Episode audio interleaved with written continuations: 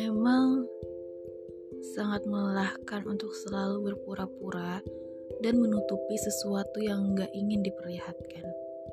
Lantas, mengapa nggak dipertunjukkan jika itu membuatmu lelah? Karena itu sesuatu yang buruk dan tidak pantas. Atau kalian hanya takut bahwa semua orang nggak menerima itu? Apa kalian akan jawab tetap tidak memperlihatkan? Entahlah, tanyakan saja sendiri. Sesuatu yang gak pantas bukan berarti gak bisa diterima publik.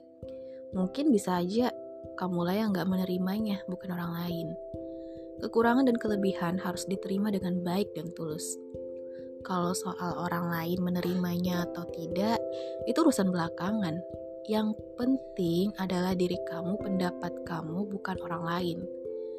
Tapi bukan berarti nggak mendengarkan opini publik terhadap diri kamu, mau itu berupa pujian atau berupa hujatan. It's okay. Hujatan memang berperan untuk menyakiti. Gimana kalau sekarang kita ganti perannya menjadi motivasi untuk menjadi lebih baik lagi?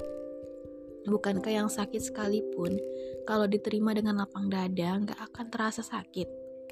Hujatan dan rasa insecure bisa kita cari sisi baik dari dua kata yang sebenarnya mengartikan suatu hal yang gak baik. Bisa menjadi dua kata yang mengartikan sebuah kebaikan dengan merubah pola pikir menjadi dengan dua kata tersebut, kita bisa berkembang menjadi sesuatu hal yang lebih dan bisa mengetahui kekurangan-kekurangan diri.